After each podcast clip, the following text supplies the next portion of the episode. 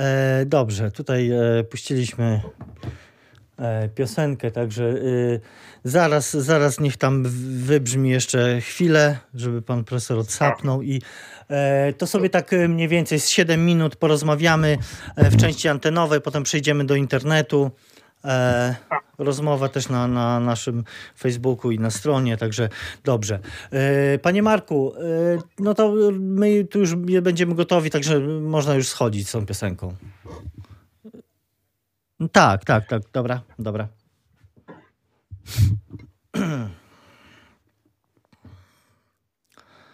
Mam nadzieję, że nie przegoniłem mocno pana profesora.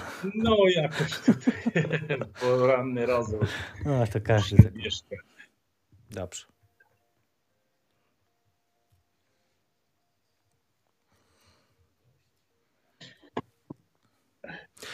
na zegarze. Już 19 minut po godzinie 8 Tomasz nie śpiał przed mikrofonem, a gościem Radia Lublin jest profesor Konrad Rejdak, kierownik Katedry i Kliniki Neurologii Uniwersytetu Medycznego w Lublinie. Dzień dobry. Dzień dobry. 6,5 miliona złotych otrzyma szpital kliniczny numer 4 w Lublinie na badania nad wykorzystaniem amantadyny w leczeniu chorych na COVID-19. Umowa w tej sprawie została podpisana w środę, ale y, droga do e, tego podpisu nie była e, łatwa i szybka. Co się zmieniło, panie profesorze, od kwietnia, kiedy po raz pierwszy pan złożył wniosek do Agencji Badań Medycznych w tej sprawie? No rzeczywiście ta droga była długa. No wynika to z faktu, że jak wiemy też tak troszkę po e, falach pandemii możemy prześledzić pewne no, zainteresowanie, potrzeby rosnące. Potem wydawało się niektórym, że, że ta pandemia zanika i nie będzie już żadnym problemem. Podejrzewam, że to był główny powód. Zbagatelizowano sprawę? No, nie uznano inne może priorytety za, za ważne, a, a akurat ten projekt no, nie zyskał akceptacji w owym czasie. No fakt, to by opieraliśmy się głównie na tej pierwszej pracy klinicznej opublikowanej e, z początkiem roku jako pierwszej na świecie, e, że, że coś jest na rzeczy, że, że lek może chronić pacjentów. Później, jak wiemy, po wakacjach zaczęły się pojawiać kolejne doniesienia z kraju, ale też i z zagranicy, co spowodowało wzrost zainteresowania. No i wobec też rosnącej fali pandemii e, i liczby zakażeń, no oczywiście stało się to palącą potrzebą, aby szukać nowych opcji bo te, które były dostępne i są, no nie są wystarczające. Jak wiemy, niestety śmiertelność mamy bardzo wysoką, związaną z chorobą, no i nie ma cudownego leku, który mógłby y, pomóc y, w stu procentach. Jest to bardzo złożona choroba. A nie jest tak, e, że, że jakiś żal mimo wszystko, e, panie profesorze, pozostał? To znaczy wtedy tłumaczono, że e, projekt, który przecież merytorycznie został oceniony dobrze, tam zdaje się 8 na 10 punktów, jak tłumaczyło ministerstwo, otrzymał, ale nie zakwalifikował się ostatecznie do dofinansowania, bo jak tłumaczono, nie dotyczył szerokiej grupy chorych na COVID, a zastosowanie mantadyny miało jedynie charakter uzupełniający w procesie e, leczenia. No tak, ale no to dokładnie jesteśmy w tym samym punkcie. No, nie ma leku na wszystkie aspekty COVID-u. No właśnie, czy to nie było takie tłumaczenie zastępcze wtedy? No bo przecież nikt rok no, temu myślę, też nie mógł tak. dysponować takimi badaniami, jak rozumiem. No, no oczywiście, opieramy się na istniejących dowodach naukowych. No tutaj tym głównym partnerem jest Agencja Badań Medycznych, także ministerstwo nie, nie, akurat tym nie, o tym nie decyduje decyduje, ale rzeczywiście w tej obecnej sytuacji to ministerstwo wyszło z inicjatywą, aby takie badania przeprowadzić. Także to jest no przynajmniej późno, ale też dobrze. Myśli pan, że kluczowe było e, to, że, że to e, pańskie czy wasze odkrycie e, potwierdzili naukowcy z Cambridge? No między innymi, no tutaj na pewno ten głos z Polski, prawda, lekarzy, którzy używali leku i używają zapewne, no też miał duże znaczenie, no doniesienia pacjentów, prawda, to, to jest bardzo istotne na tym się opieramy w większości w medycynie. Jeżeli zauważamy efekt pozytywny i ktoś raportuje na podstawie własnych doświadczeń, to jest najważniejsze świadectwo. To, że ktoś mówi, że wyleczył i czyni cuda, no, traktujemy z dystansem, ale sami pacjenci mają prawo mówić o swoim stanie zdrowia i robią to na pewno z pełnym przekonaniem, więc to są ważne dowody. E, rozumiem, że tutaj tak e, nawiązuje Pan subtelnie do tych doniesień, czy też do, które płynęły z Przemyśla. Włodzimierz Bodnar, lekarz właśnie stamtąd, on informował już na początku ubiegłego roku, czy w momencie początku pandemii, że udaje mu się wyleczyć amantadyną dziesiątki, właściwie jeśli nie setki pacjentów.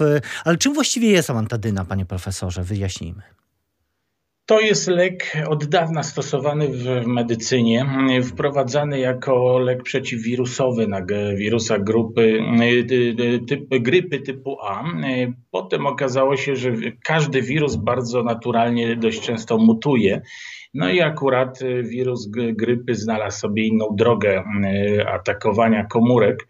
W związku, ale przypadkowo zupełnie zauważono, że jedna z pacjentek, która brała lek na grypę, miała przy okazji chorobę Parkinsona i znacznie jej się poprawiło. To otworzyło nowe wskazanie. My w neurologii bardzo powszechnie używamy tego leku w różnych wskazaniach, czasami nawet też poza rejestracyjnych, dlatego że ma bardzo złożony mechanizm działania i wykazuje mm, wpływ na układ nerwowy. On się wchłania do układu nerwowego i może działać poprzez pobudzanie układu nerwowego, chociażby w sytuacjach stresowych w walce z uogólnioną infekcją. Także na tym opieramy swoją koncepcję, ale ten efekt na wirusa też jest udowodniony i akurat na wirusa SARS-CoV-2 też działa. Może nie jest to bardzo silny efekt, ale na, na pewno ważny. Y, rozumiemy to y, też od, od jakiegoś czasu Pan mówi, że warunkiem tej skuteczności amantadyny y, w leczeniu COVID-19 jest jej stosowanie we wczesnej fazie choroby, czyli w momencie, kiedy jeszcze nie ma tej ostrej niewydolności oddechowej. Dokładnie tak. Jeżeli mm, mamy już y, stan ciężkiego zapalenia płuc, y, niewydolność oddechową, no y, i wówczas najczęściej wirusa już nie wykrywamy nawet w organizmie, więc ta faza, faza wiremii się zakończyła, my, ale nas dochodzi do wtórnych powikłań, które no, musimy leczyć zupełnie inaczej i są na to leki.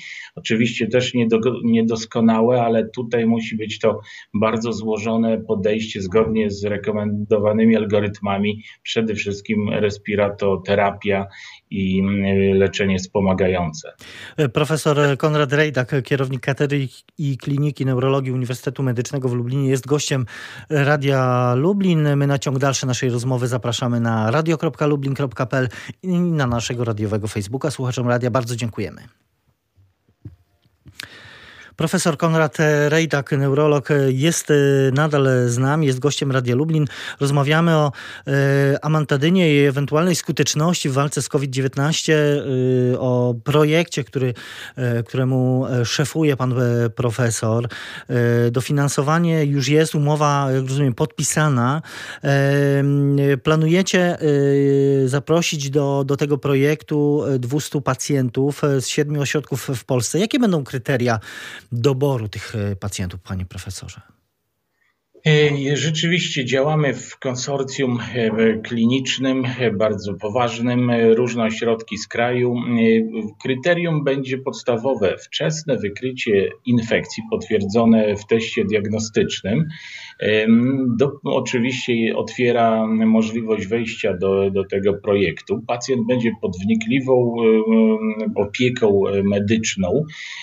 Będziemy też e, pytać o czynniki ryzyka ciężkiego przebiegu e, COVID-19, a więc wiek, e, choroby współistniejące, co sprawia, że ci pacjenci powinni być hospitalizowani jako obserwacja kliniczna i leczenie wspomagające. I tutaj widzimy właśnie możliwość włączenia amantadyny wkomponowane w całość opieki medycznej. Będziemy bacznie obserwować pacjentów. Jeżeli by jednak choroba ulegała progresji i dochodziłoby do jakichkolwiek zaburzeń, to to będzie właśnie parametrem oceny i następnie oczywiście pacjent jest, będzie objęty pełną y, standardową opieką mm, włącznie z każdym innym lekiem, ale nas interesuje ten wczesny okres, w którym mm, mamy od, y, od rozpoznania do ewentualnego postępu choroby, tak żeby niczego nie przeoczyć i żeby cały czas pacjenta utrzymać w pełnym bezpieczeństwie. Yy, to, to jest też yy, kwestia czasu yy, w każdej, jak, jak zresztą w każdej chorobie, ale no w walce z pandemią ten czas też jest kluczowy. Za nami rok, blisko rok pandemii, więc chciałem zapytać właśnie o ten czas, czyli jak długo ten projekt y, potrwa. Rozumiem, że, że y, bo to też jest istotne y, tak w tej jest. sprawie. No, z racji specyfiki choroby, no, ona jest krótka w sensie przebiegu tej ostrej fazy infekcyjnej. Oczywiście, jeżeli dojdzie do powikłań, może to trwać i miesiące. Więc sam protokół obejmuje obserwację dwutygodniową. Jeżeli uda się zgodnie z planem rozpocząć projekt z końcem lutego czy początkiem marca. Ten marzec będzie kluczowym e, miesiącem, gdzie e, no, zapewne nadal ta pandemia niestety będzie się rozwijała i to uważany jest za taki krytyczny miesiąc. No i wówczas pozwoli to zdobyć e, wystarczające dane kliniczne chcemy na bieżąco analizować dane, czyli kolejna, pierwsza setka pacjentów, potem kolejna do 200, tak aby uzyskać y, wiarygodne mm, informacje, czy, w którą stronę ten lek działa, czy w ogóle on y, jest obojętny, czy wspomaga. Nas też interesuje aspekt powikłań neurologicznych, czyli nie, nie tylko, oczywiście najważniejszą częścią jest wpływ na wydolność oddechową i przebieg ostrej infekcji, ale pamiętajmy, że bardzo wiele osób przechodzi infekcję miarę łagodnie, ale zostają liczne powikłania, jak zespół zmęczenia, utrata węchu i smaku, zespoły bólowe. Mamy nadzieję, że amantadyna wpływa też na e, e, hamująco na inwazję do układu nerwowego, a to jest e, super ważne dla każdego z nas, kto może się zetknąć z tym wirusem. A czy to oznacza, panie profesorze, że jest szansa, że amantadyna zostanie uznana za skuteczny lek e, na COVID-19? Czy to będzie e, lek dla wybranych, no, z, z tymi specyficznymi z jednej strony objawami na wczesnym etapie i tak dalej, i tak dalej, o czym mówił pan profesor? Znaczy, historia wprowadzania leków i zmian rejestracji leków jest długa oczywiście i tutaj mm, to jest projekt niekomercyjny, czyli nie ma w założeniu zmiany w jakiejś tu rejestracji prawda, leku, ale ma dostarczyć dowody naukowe. Zmianą rejestracji zajmują się instytucje lub też producenci leków. Zobaczymy, oczywiście nam chodzi o zdobycie wiarygodnych, dobrych danych klinicznych, które już mogą być podstawą do decyzji lekarza, aby lek użyć, a pamiętajmy, lek jest powszechnie zarejestrowany, dostępny, więc e, taki bagaż do, do doświadczeń i dowodów daje możliwość używania leku też off-label, czyli po prostu zgodnie z przekonaniem, doświadczeniem konkretnego lekarza. Bo teraz e, jest też trochę tak, e, że ludzi, którzy mówią o skuteczności amantadyny, no w leczeniu oczywiście COVID-19 uważa się, y, no a przynajmniej tak niektórzy sugerują, czy, czy wręcz mówią, y, niemalże za szarlatanów.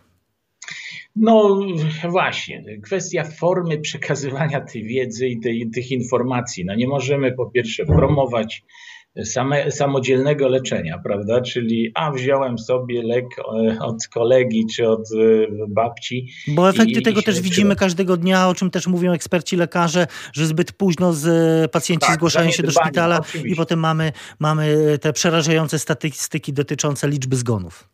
Dokładnie tak, czyli nie można samodzielnie się leczyć, bo jest to groźne.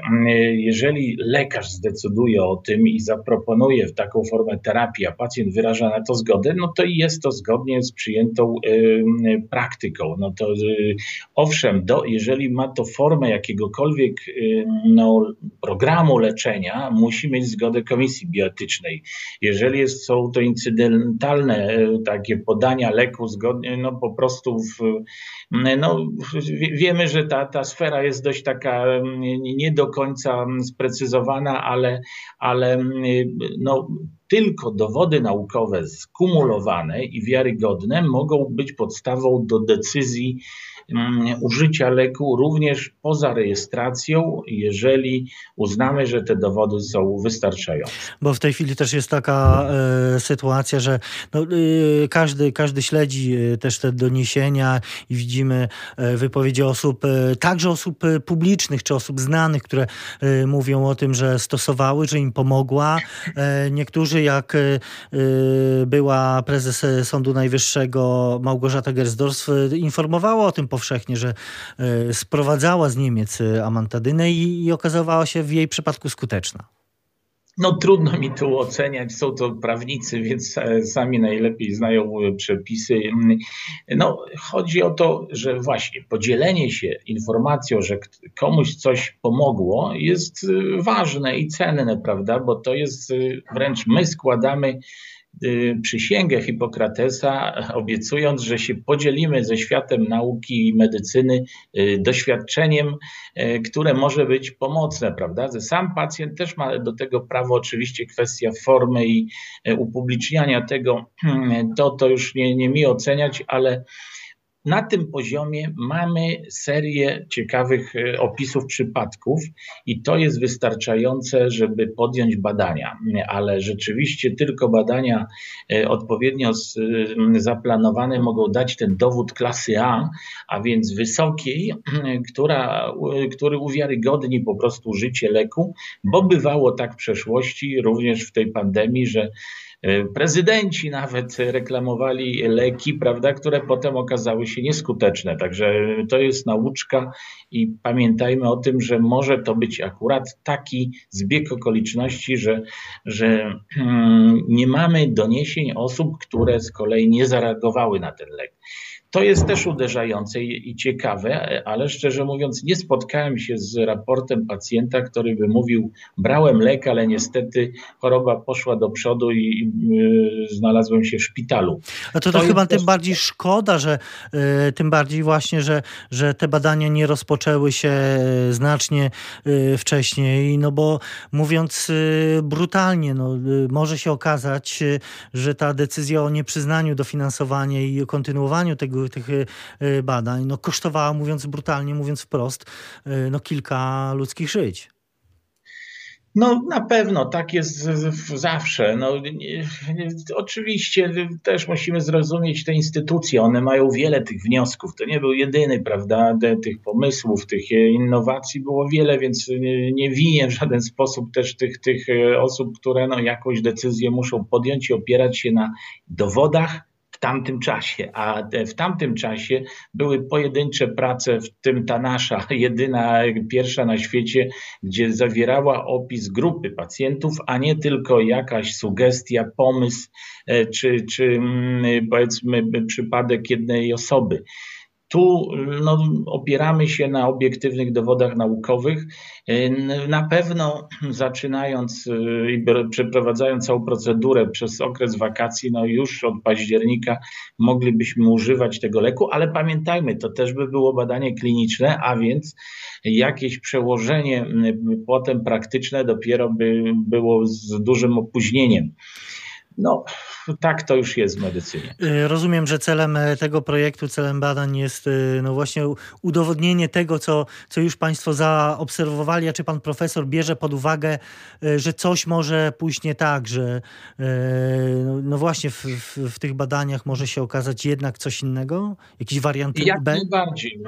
No, takim scenariuszem też możliwym jest, że lek jest obojętny, prawda? Czyli nie wywiera działania pozytywnego, ale no, zna, przynajmniej wiemy dużo o tym leku, więc znamy jego profil bezpieczeństwa. To jest generalnie dość dobrze lek tolerowany, który biorą osoby z wieku podeszłym z chorobami neurologicznymi, więc nie należy mu przypisywać jakichś działań każdy lek na receptę ma całą długą listę możliwych działań ubocznych, prawda? To są typowe formy informowania pacjentów o, o zagrożeniach. No, wystarczy jeden z popularnych leków na, na, na ból, na gorączkę, prawda, i prze, przeczytać ulotkę. Tam jest często, że można umrzeć, więc to nie jest. Co, lek jest dobrze znany i owszem, trzeba go ostrożnie używać, gdyż na pewno pewne podgrupy pacjentów mogą źle na niego reagować, ale jest on powszechnie używany już od wielu lat. Miejmy na, nadzieję zatem, że e, ten e, projekt okaże się sukcesem. Wszyscy na to oczywiście liczymy. Życzymy tego e, panu profesorowi i, i całemu zespołowi, który nad tym projektem będzie pracował. Tymczasem bardzo dziękuję za rozmowę. Profesor Konrad Rejdak, kierownik Katedry Kliniki i Kliniki Neurologii Uniwersytetu Medycznego w Lublinie, był gościem Radia Lublin. Jeszcze raz bardzo dziękuję. Bardzo dziękuję, pozdrawiam, kłaniam się.